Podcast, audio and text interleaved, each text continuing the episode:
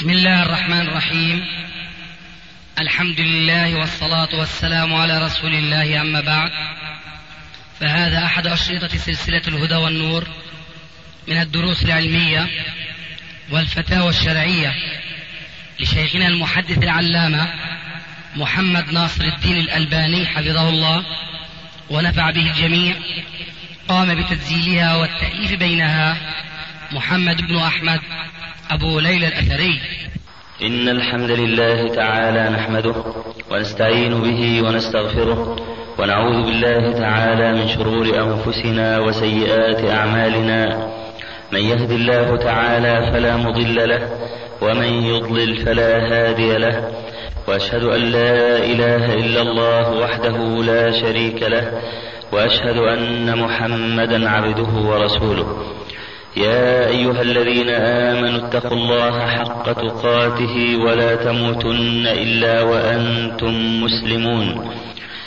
يا أيها الناس اتقوا ربكم الذي خلقكم من نفس واحدة وخلق منها زوجها وبث منهما رجالا كثيرا ونساء.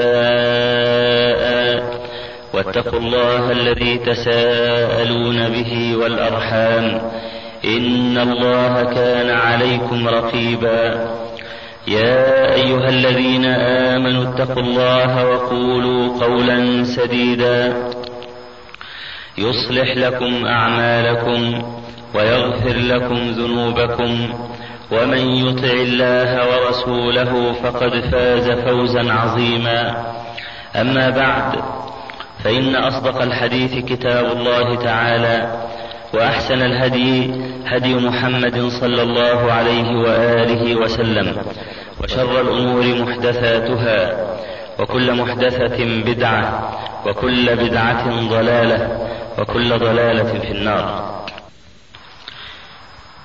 فهذه سلسلة الهدى والنور وهي فتاوى عن أسئلة تفضل بالإجابة عنها شيخنا الشيخ الإمام محدث الشام وحسنة الأيام عميد السلفيين وشيخ المتسننين العالم الرباني أبو عبد الرحمن محمد ناصر الدين الألباني.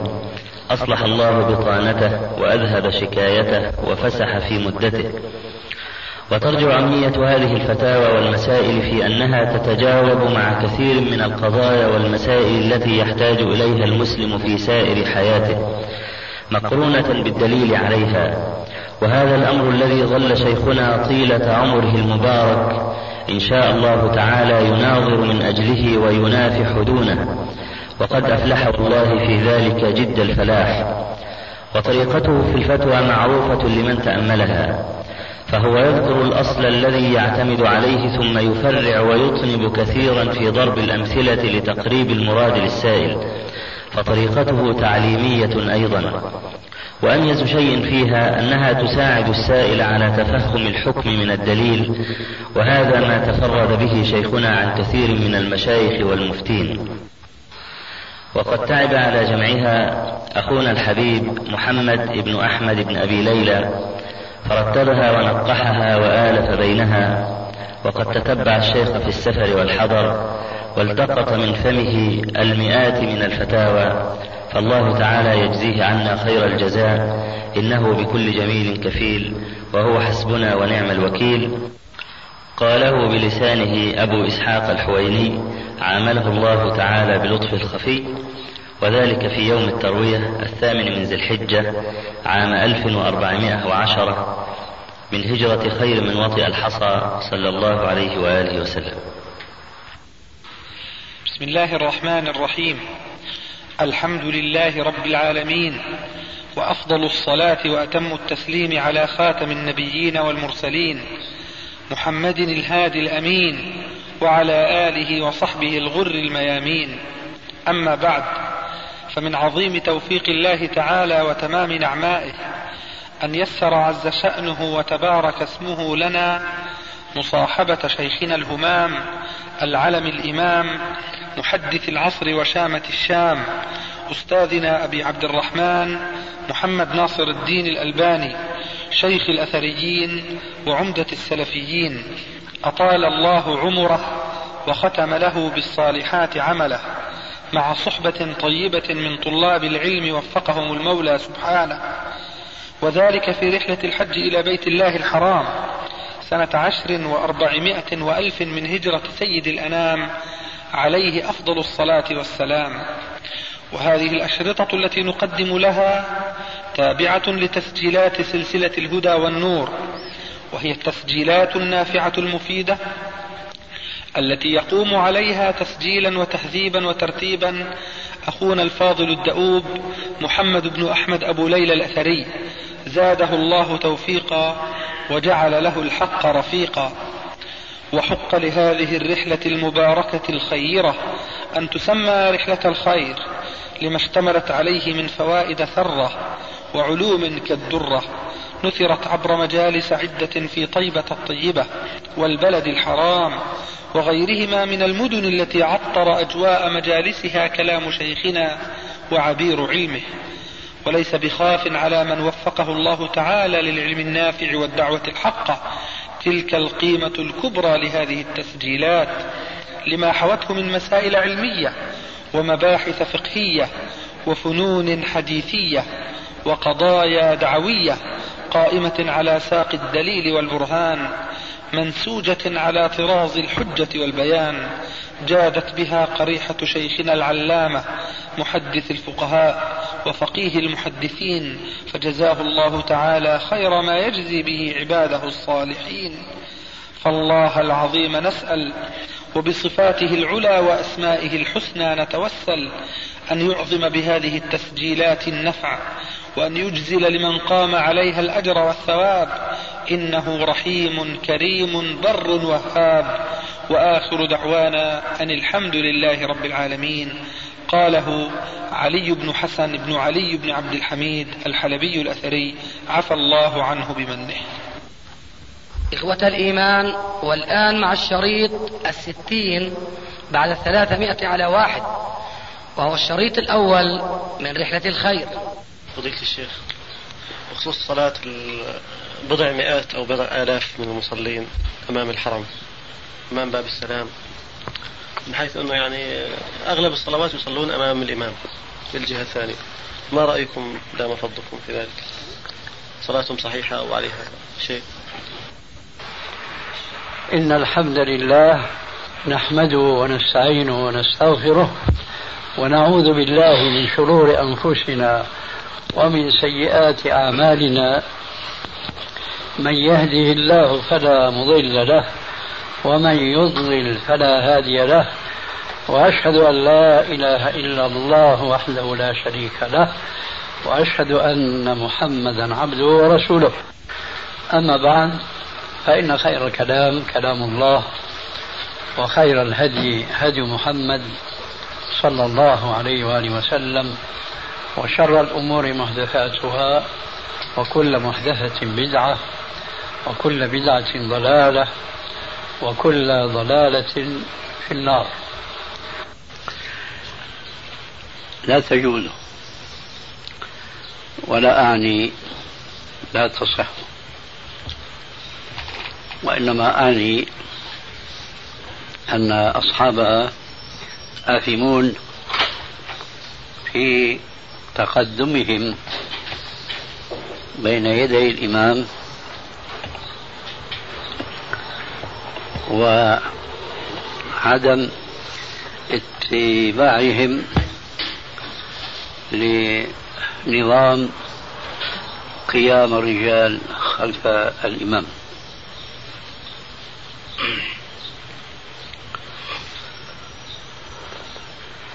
ولكن من حيث الحكم الشرعي لا يوجد لدينا فيما علمنا نص آه، يمكن الاستدلال به على بطلان صلاة هؤلاء الذين يتقدمون بين الإمام. هذا من جهة ومن جهة أخرى إذا كانت صلاتهم بين يدي الإمام لعذر فالإثم مرفوع. أما إن كان لإهمال فالإثم قائم. هذا الذي أعتقده في هذه المسألة. شيخ عندنا كذلك بعض الأسئلة. وهي يعني تهم بعض المسلمين في أستراليا. في أستراليا؟ آه نعم. فلو تكفلت الدولة بدفع النفقة للزوجة فهل تجب بعدها على الرجل علما بأن الزوجة تطالب زوجها بنفقة. آه نعم. يعني الدولة الأسترالية هناك تدفع أموال للأمهات عموما وبالأخص إذا سافر الرجل خارج البلاد.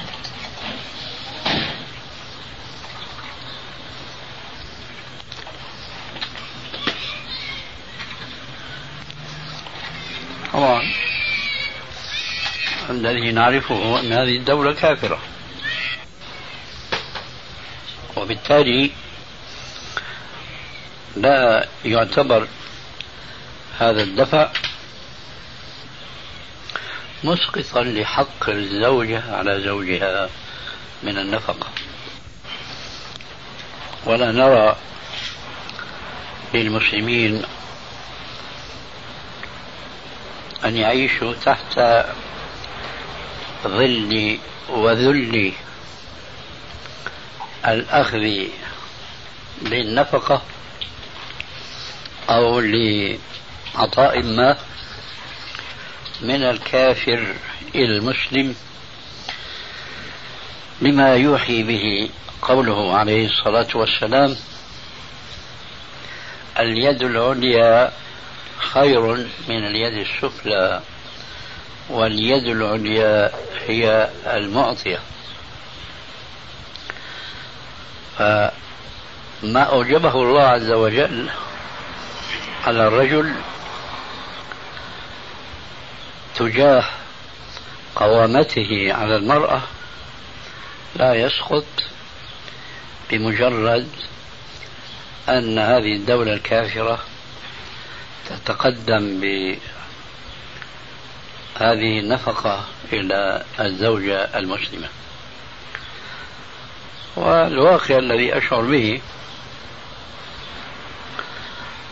أن هذه جزئية من جزئيات كثيرة نتجت من مخالفة المسلمين لحكم شرعي هام عظيم وعدم مبالاتهم بالمخالفة.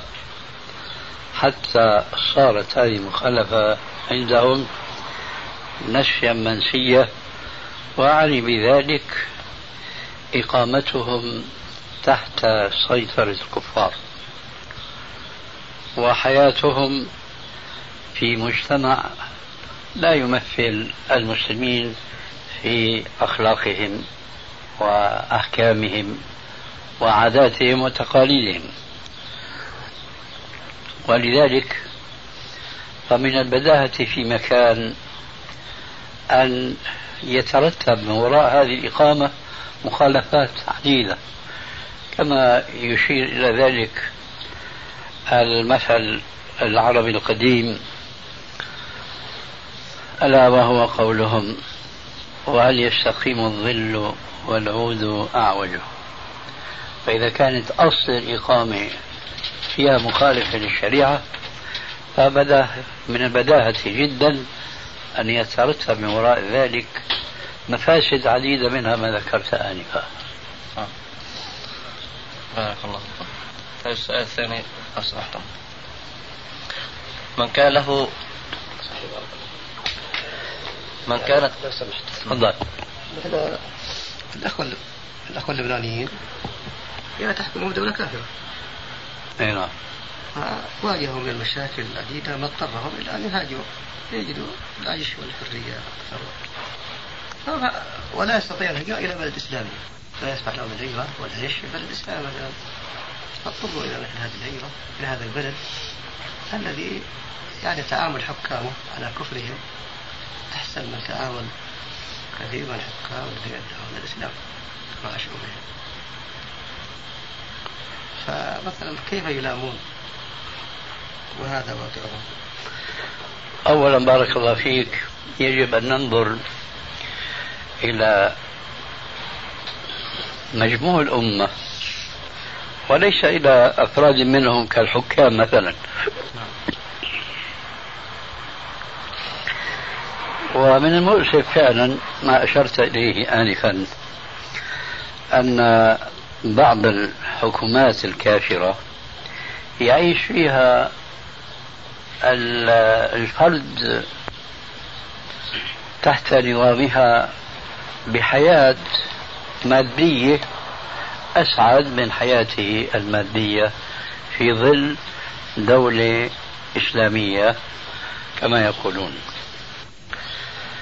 ولكن لا يخفى على الجميع أنه ليس من الإسلام في شيء ما هو معروف اليوم أن الغاية تبرر الوسيلة. فكون المسلم يحيا حياة صعبة من الناحية المادية وعلى العكس من ذلك يحيا حياة سعيدة من هذه الناحية في بلاد الكفر هذا لا يبرر له أن يكفر سواد الكفار ويقلل سواد المسلمين. والحكام المسلمون هم يمثلون أفرادا قليلين جدا جدا بالنسبة للمجتمع الإسلامي. ثم إن مهاجرة المسلمين إلى تلك البلاد ليست في حدود الضرورة التي أنت أشرت إليها آنفا.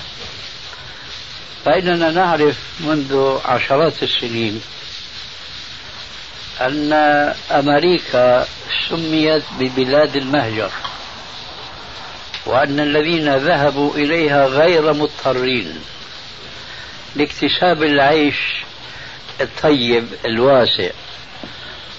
سموا أنفسهم بأنهم مهاجرون. وبالنتيجة سمي مكان هجرتهم بالمهجر. هذا قلب للحقائق الإسلامية التي تقول بأن المسلم إذا كان كافرا قبل إسلامه يعيش مع قومه الكفار ثم هداه الله فأسلم عليه أن يبادر إلى الهجرة. إلى بلاد الإسلام. فكيف بنا نحن نعكس الآن النظام الإسلامي هذا؟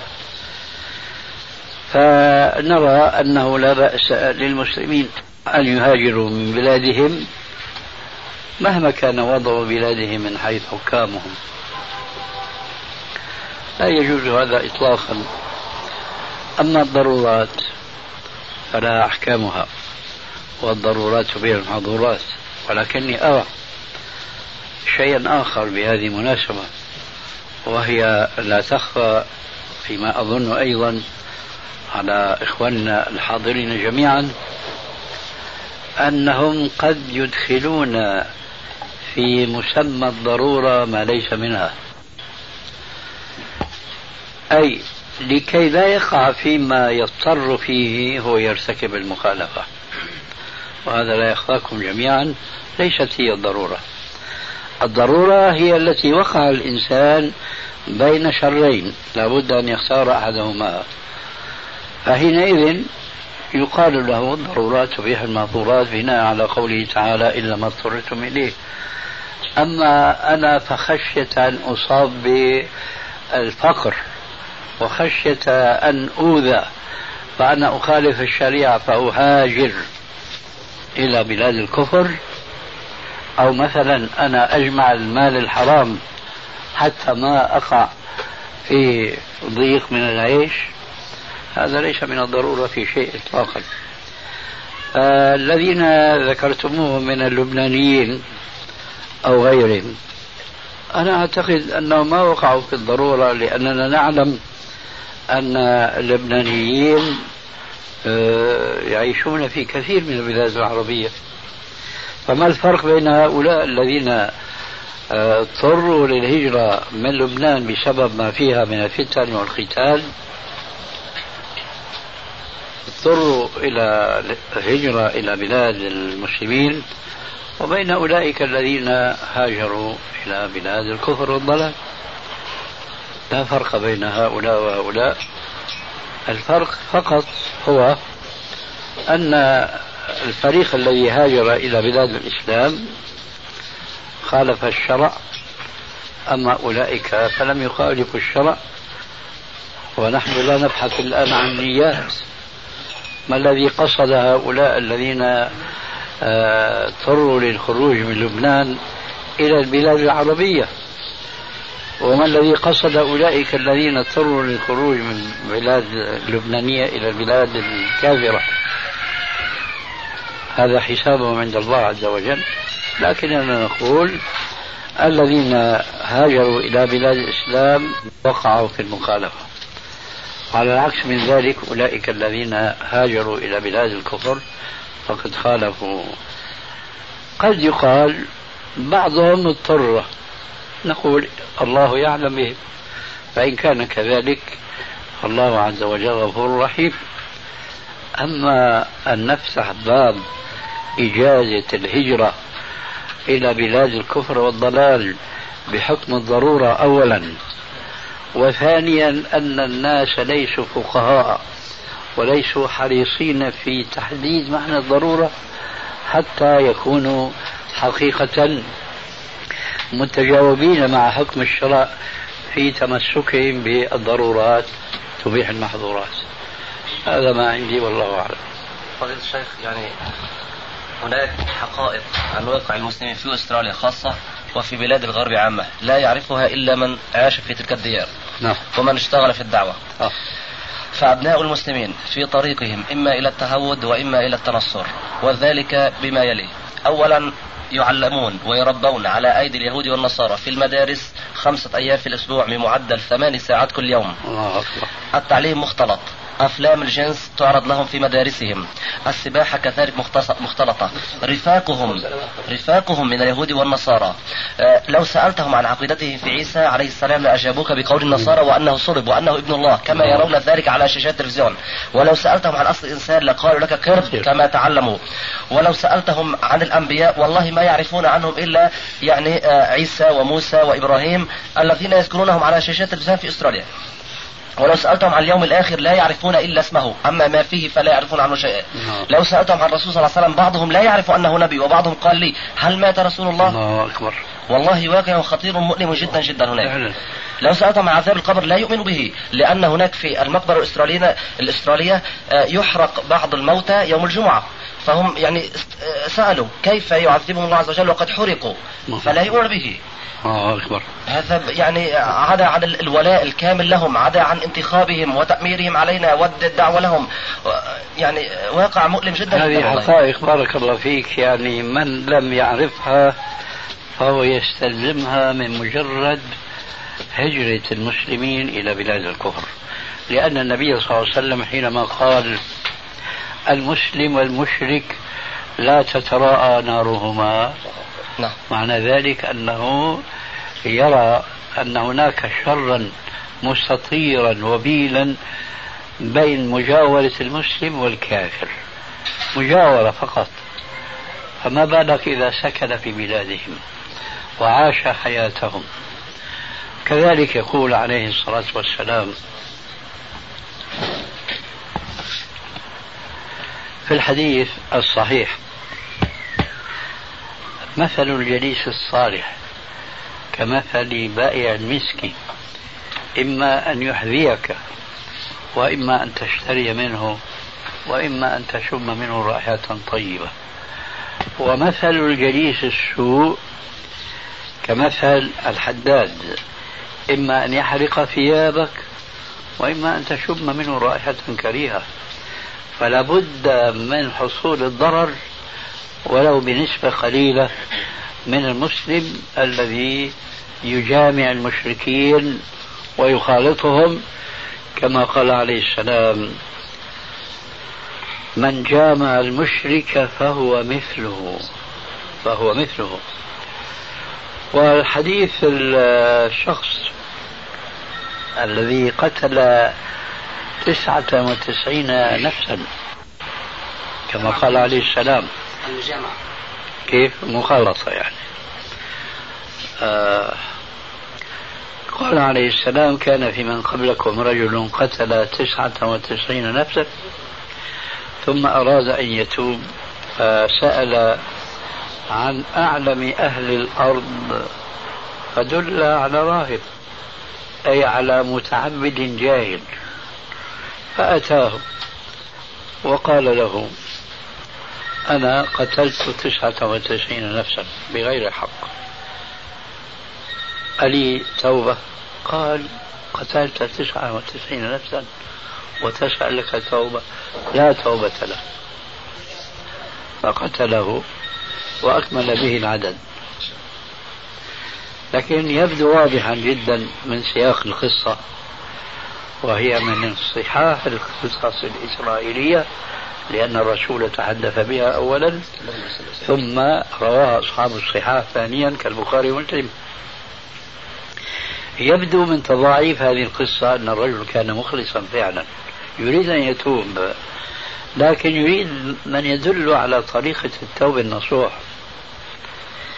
فاستمر يسأل عن أعلم أهل الأرض فدل في هذه المرة على عالم. فأتاه وقال له إني قتلت مئة نفس بغير حق. فهل لي من توبة؟ فأجابه من يحول بينك وبينها توبة؟ ولكنك هنا الشاهد بأرض سوء. فاخرج منها إلى الأرض الفلانية الصالح أهلها.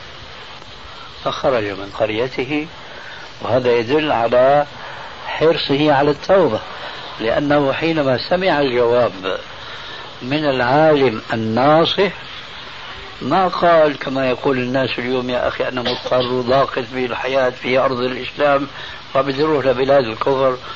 لا ما قال شيء من ذلك إطلاقا وإنما رأسا خرج من القرية التي عاش فيها وتربى فيها وأفسد فيها. إلى القرية الصالحة أهلها وهنا جاءه الموت. فاختلفت ملائكة الرحمة وملائكة العذاب في من يتولى قبض روحه. فأرسل الله عز وجل إليهم حكما أن ينظروا إلى أي القريتين كان أقرب فألحقوه بأهلها فقاسوا ما بين هو بين كل من القريتين فوجدوه أقرب إلى القرية الصالح أهلها بمقدار ما يميل الإنسان في أثناء مشيته. لأن الإنسان ما يمشي هكذا. فتولته ملائكة الرحمة.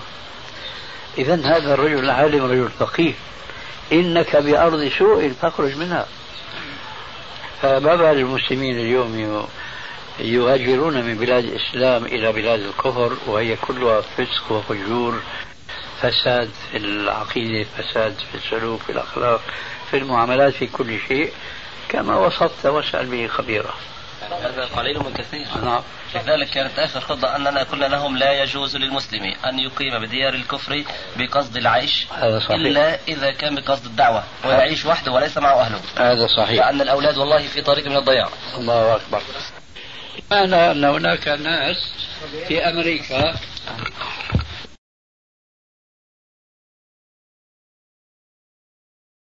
إذا هذا الرجل العالم رجل فقيه إنك بأرض سوء فاخرج منها. فما بال المسلمين اليوم يهاجرون من بلاد الإسلام إلى بلاد الكفر وهي كلها فسق وفجور. فساد في العقيدة فساد في السلوك في الأخلاق في المعاملات في كل شيء. كما وصفت واسأل به خبيرا. هذا قليل من كثير. نعم. لذلك كانت آخر خطة أننا قلنا لهم لا يجوز للمسلم أن يقيم بديار الكفر بقصد العيش هذا صحيح. إلا إذا كان بقصد الدعوة ويعيش وحده وليس معه أهله. هذا صحيح. لأن الأولاد والله في طريق من الضياع. الله أكبر. نحن سمعنا أن هناك ناس في أمريكا فلان اسمه جورج ابن محمد. نعم غيروا اسمائهم آه. والافغان ذهبوا إلى إسرائيل قولنا وأبنائهم الآن ما يعرفون على اي دين قد يتقون في تضليل أهل السنة.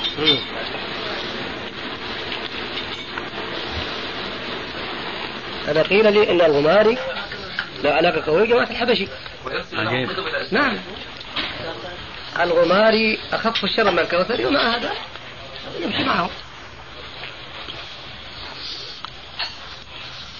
جمعهم الابتداع. نعم التصوف والتجهم وال عداوة أهل السنة. أما الأعمال جمعهم أيضا العمال اليهود؟ ماسونيين. فيهم ماسونية. ثبت عن الحبشي أنه حرم قتال اليهود لما دخلوا لبنان. بحجة أنهم لا يستطيعون أن يقاوموا اليهود. حتى يصحح وفي المنطقة التي كان يسكن فيها برج أبي حيدر ما ضربت أبدا. وكان رجاله يحملون السلاح في حين غيرهم لا يستطيع أن يحمل سكين فقالوا إن هذه كرامة من كرامات الشيخ. ما شاء الله. فقلنا ما شاء الله كرامة الولاء الكافرين. طيب هذا الكلام مسجل يا أستاذ؟ مطبوع ولا نقل ولا كيف؟ مع مع رجالهم. لهم حريصون جدا على عدم إظهار مثل هذه الحقائق. جد يعني. والله الفتوى حتى نزلت بمناشير كانت توزع في بيروت ما عندي منها واحدة في مناشير. نعم نزلوها في معركة مناشير. هذا أضف إلى ذلك أنهم يبيحون السفور والمفاخذة. يبيحونه والرقص. والرقص بكل بحجة أن هذا كله من الصغائر. ونزول المرأة, المرأة إلى البحر بالمايو.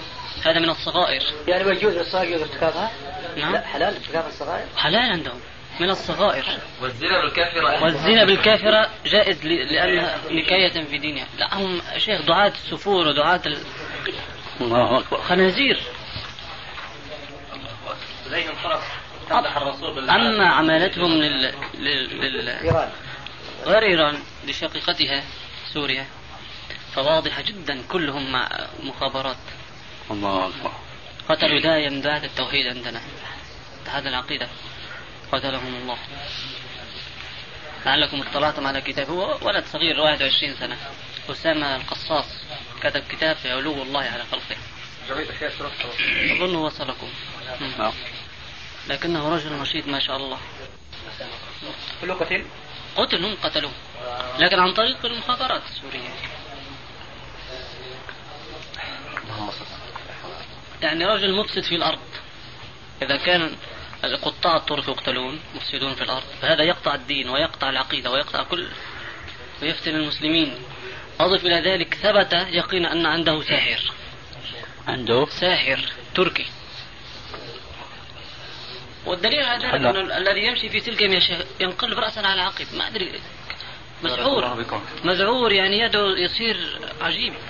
جزاكم الله خير فالأخوة يبغوا فتوى تريح القلوب لعل الله أن يريحهم من هذا الطاغوت. والله يصلون ورائنا ولا وراء إذا كفروا العلماء نحن من باب أولى. الزكاة غير واجبة في أوراق هذه إلا في النقدين. هذه مع الأسف يقول بها الشافعية في سوريا.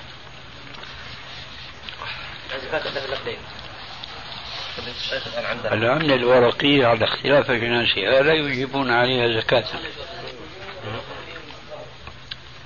كيف يرى الظاهرية فتوى.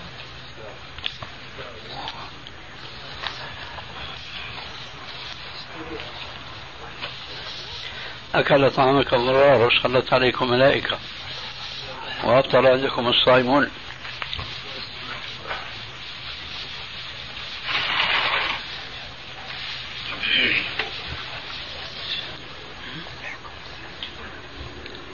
في فتوى صدرت امس في المسلمون للسجل يا أخي. الشيخ العثيمين إيه؟ التصوير الفوتوغرافي ما هو حرام. الله أكبر. يقول هذا ما, ما هو تصوير أو ليس في ليست في مظاهر. هو يضرب مثال يقول لو ان إنسان يعني كتب فجئت أنا اقلده أكتب مثل ما يكتب. وكلما يكون خطي أقرب إلى خطي كلما أكون اكون أكثر مضاعفه وكلما يكون الناس أكثر أيام بذلك. لكن إذا أخذت هذا الخط ما قلدته في الكتابة إنما ادخلته في جهاز التصوير وطلعت بالمشروع هذا ما يقول خط فلان ولا كتب فلان بيده وليست فيه مضاعفه هكذا التصوير. فتنة فتنة. لكنه لا لا يرضى أن يصور. هذه الفتوى أفتى بها في في الجامعة. لكن إذا كان يكتب هذه الفتوى ولا وكانوا يرسلون قال ما أبغى أصور هل هذا من باب الزهد ولا التورع والورع؟ نحن كنا ولا نزال نقول التصوير الفوتوغرافي أشد تحريما من التصوير اليدوي. جزاك الله خير أي نعم. لأن التصوير الفوتوغرافي صرفت جهود على مر السنين الطويلة حتى تمكن الإنسان والإنسان الكافر من أن يخرج الصورة لا توصي حديث يا أستاذ. هذا يريد أن يسجل من لا يريد أن يسجل. فما بالك في من يريد أن يسجل؟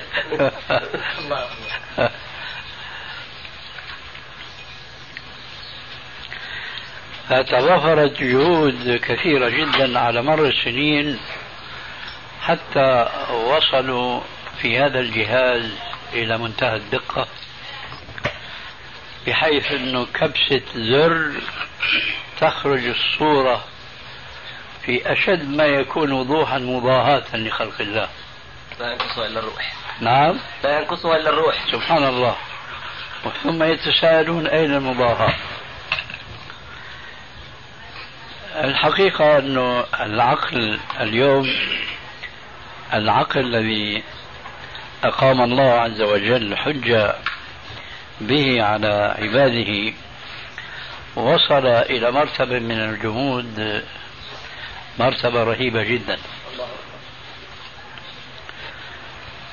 كان عندنا وأنا في المدرسة الابتدائية في دمشق آه، معلم الرسم. كان يجلس في الفسحة على كرسي. واللوح والطبشورة بيده. والطلاب يلعبون في الساحة فينادي أحدهم تعال فلان. يقف أمامه ينظر إليه هكذا نظرة يأخذ الطبشورة باللوح في لحظات وهي صورة هذا الطفل أو هذا التلميذ واضحة. في اللوح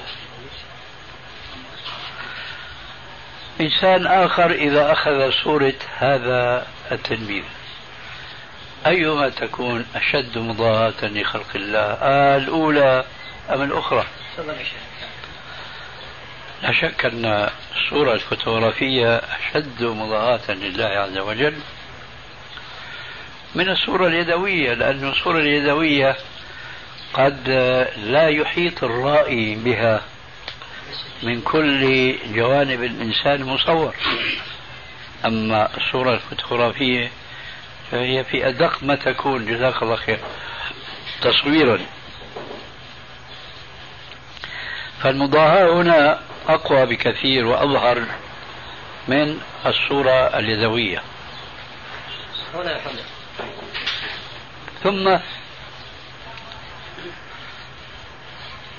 أن التصوير الفوتوغرافي هذا أصبح سببا واضحا جدا لانتشار الصور بين المسلمين بصورة لا يكاد يخلو بيت من آلة تصوير ثم تستعمل هذه الأجهزة في تصوير ما لا يجوز باتفاق المسلمين بينما التصوير اليدوي لا يتيسر للمصور هذه الدائرة الواسعة. فهذا جمود في منتهى الجمود أن يقال أن التصوير الفوتوغرافي الذي يسهل تصوير ما لا يمكن تصويره عادة بالصور اليدوية أن يقال هذه الصورة اليدوية محرمة والصورة الفوتوغرافية مباحة. وأنا كما يقال إن أنسى فلن أنسى.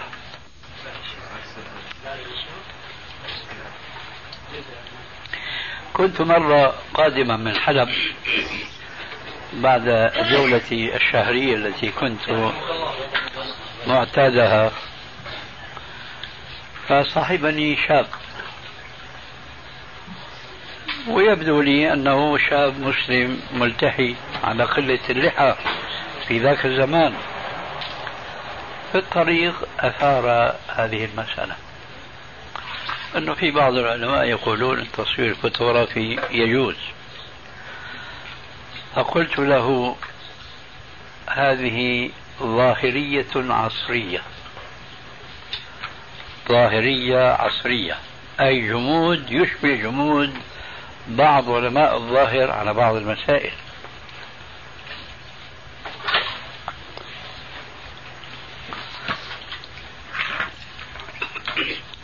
ومثلت له هذه الصورة الخيالية. فقلت له زعموا بأن شيخا فاضلا زار تلميذا له في داره.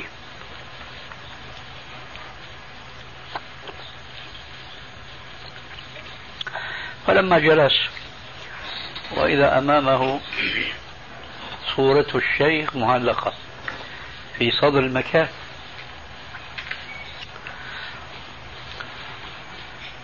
فتكلم الشيخ مع تلميذه منكرا عليه تعليقه لصورة شيخه في صدر المكان. وأثنى عليه خيرا من حيث دينه وصلاحه وحرصه على العلم. فما كان من الطالب هذا إلا أن بادر وأنزل الصورة. راحت أيام وجاءت أيام ثم زار الشيخ تلميذه مرة أخرى. وإذا به يفاجأ الشيخ بأن الصورة لا تزال في مكانها. فأنكر عليه كما أنكر عليه في المرة السابقة. فأجاب التلميذ يا أستاذ نحن تعلمنا منك أن الصورة المحرمة هي الصورة اليدوية. أما الصورة الفوتوغرافية فهي جائزة. فتلك كانت صورة يدوية لذلك تجاوبت معك. أما هذه فصورة فوتوغرافية. فربت على كتفه وقال بارك الله فيك. أنت طالب فقيه. هذه أليست ظاهرية مقيتة الصورة هي هي لكن إحداهما صورت بالقلم واليد وأخذت جهدا جهيدا حتى خرجت صورة أما هذه فبالآلة التي انكب على إبداعها عشرات العلماء المتخصصين حتى وصلوا إلى هذه الضغطة من الزر. وإذا الصورة تخرج كأبدع ما يمكن أن هذه جائزة. أما الأولى فهي محرمة. هذه ظاهرية عصرية مقيتة يستحي ابن حزم لو كان في زمانه اليوم أن يقع في مثلها. وقد وقع هو في بعض ما يضحك كما يقال الثكلة. لقد فسر حديث آه، أبي هريرة رضي الله عنه في الصحيحين. نهى رسول الله صلى الله عليه وآله وسلم عن البول في الماء الراكد. فقال هو فلو أنه بال في إناء ثم أراق ما في الإناء في الماء الراكد جاز. لماذا؟ لأنه لا يصدق عليه لغة أنه بال في الماء الراكد. وهذا صحيح من حيث ملاحظة الألفاظ. لأن هذا الرجل الثاني بال في الماء في الوعاء الفارغ. ما بال في الماء الراكد. لكن بعدما بال في الماء في الإناء الفارغ أراق هذا البول في الماء الراكد هذا جاز لكن النتيجة يا جماعة واحد. لا هذه أخس. نعم؟ أخس من الأولى أخف من أي ناحية؟ أخس أخس أخس من الأولى أخس. يعني هذا كالاحتيال على الأحكام الشرعية.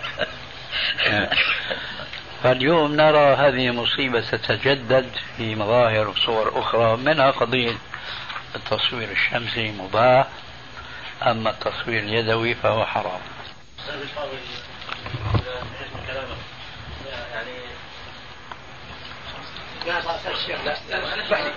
اسمح نسأل الشيخ الآن هم يتعلقون بتعليل بالمضاهاة هل العلة في التصوير محصورة في هذه العلة؟ لا.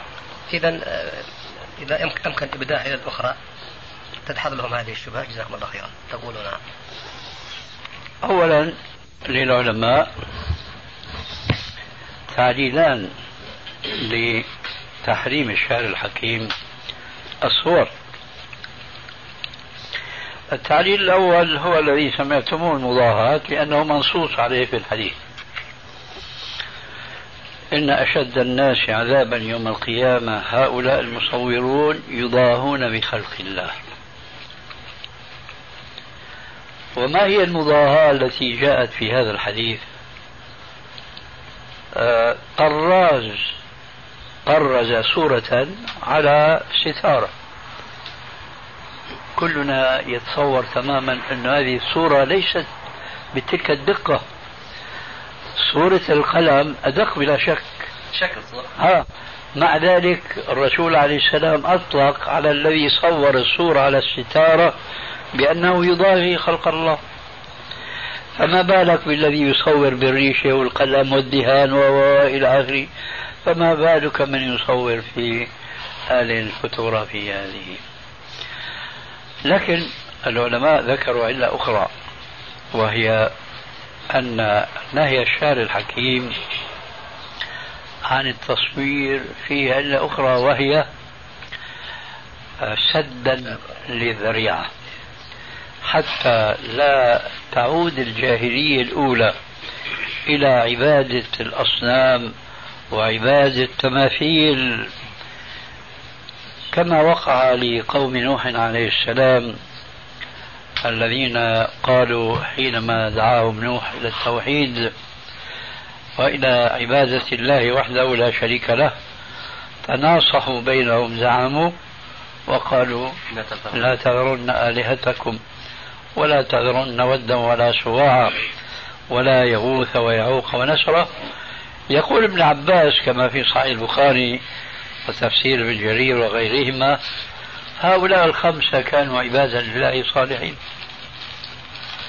فلما ماتوا جاءهم الشيطان بصورة ناصح أمين فأوحى إليهم أن يجعلوا قبورهم في أفنية دورهم لكي يتذكروا أعمالهم الصالحة. التاريخ يعيد نفسه. الأصنام التي بدأت منذ عشرات السنين وبدأت تنتشر الآن في كثير من البلاد العربية التي كانت آه، خالية فيها هذه الأصنام. لماذا؟ ذكرى بهؤلاء الأبطال وليتهم كانوا كذلك أبطالا. وإنما أكثرهم عملاء للأجانب وفساق إن لم يكونوا كفارا.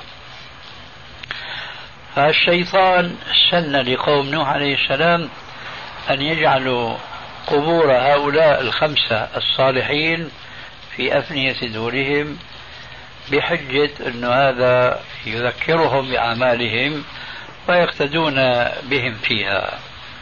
وتركهم جيلا من الزمان ثم عاد إليهم وقال قد تذهب قبور هؤلاء الصالحين بسبب من الأسباب العوامل الطبيعية كالسيول والرياح والأمطار ونحو ذلك ولذلك فهو نصحهم بأن يتخذوا أصناما.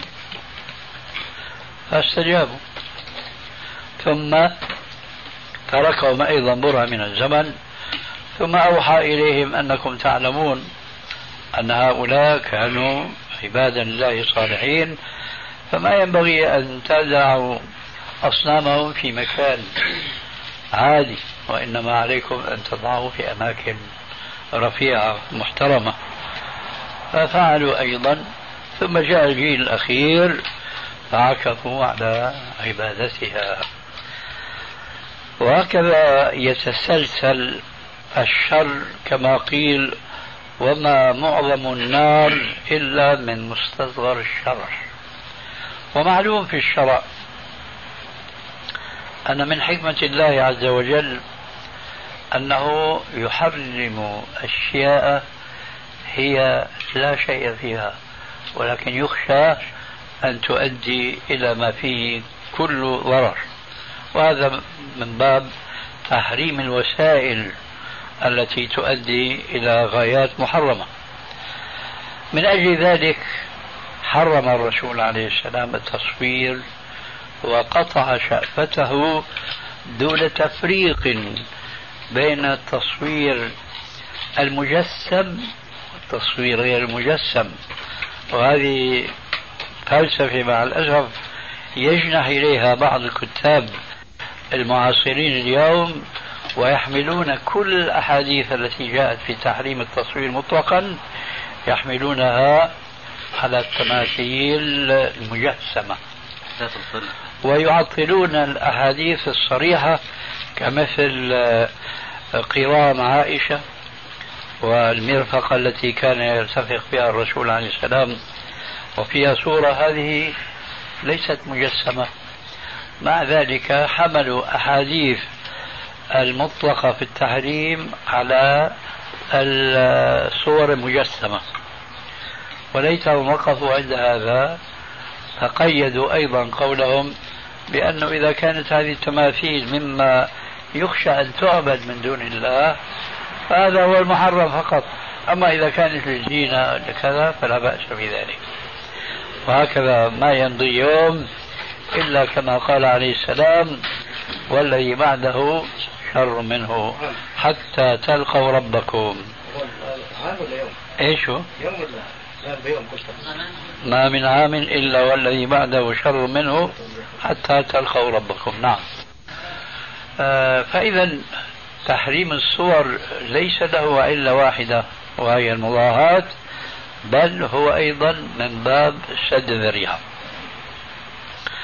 ونحن نشاهد اليوم أنه لما فتحوا باب التصوير عم الفساد وصارت الصور من كل لون من كل جنس بواسطة هذه الآلة الخفيفة الحمل والتي قد توضع في الجيب. وأذكر جيدا أنني ناقشت بعض الأخوة المسلمين قديما منذ ثلاثين سنة. فأحتج بأن هذه الآلة لم تكن يومئذ معروفة. ولذلك فحمل الأحاديث عليها هو توسيع معنى هذه الأحاديث أكثر مما تتحمل هكذا زعم. ولما ذكرته بأن الذي يقول كل مصور في النار ويقول لعن الله المصورين ليس رجلا عاديا من أمثالنا حتى نقول هو يعني الصور المعروفة فقط. بل هذا رسول الله الذي وصفه الله عز وجل بقوله وما ينطق عن الهوى إن هو إلا وحي يوحى فهو يعني ما يقول. كل مصور في النار سواء كان هذا مصور يصور بالقلم أو بالإزميل الريشة الحداد النحات ونحو ذلك أو يصور بأي طريقة أخرى فهو مصور. نقتنع بذلك. فجئت بالمثال التالي قلت له فما رأيك بهذه الأصنام التي تخرج الآن بالمئات بل بالألوف المؤلفة؟ بكبسة زر جهاز ضخم جدا يصب النحاس في مكان فيخرج إيش؟ بصورة سبع أو كلب أو امرأة راقصة كما تجدون على بعض الطاولات. هذا ما نحيته على الطريقة التي كانت في عهد الرسول عليه السلام. هذه كالآلة المصورة كبسة زر فقط. هذا ماذا ترى؟ هذا يجوز أم هو حرام؟ قال لا هذا حرام. قلت هذا كهذا ولا فرق بين الأمرين. فالشاهد إذا التحريم له علتان وكل من العلتين متحقق في الواقع. بالتصوير الفوتوغرافي أو الفيديو كما يقولون اليوم.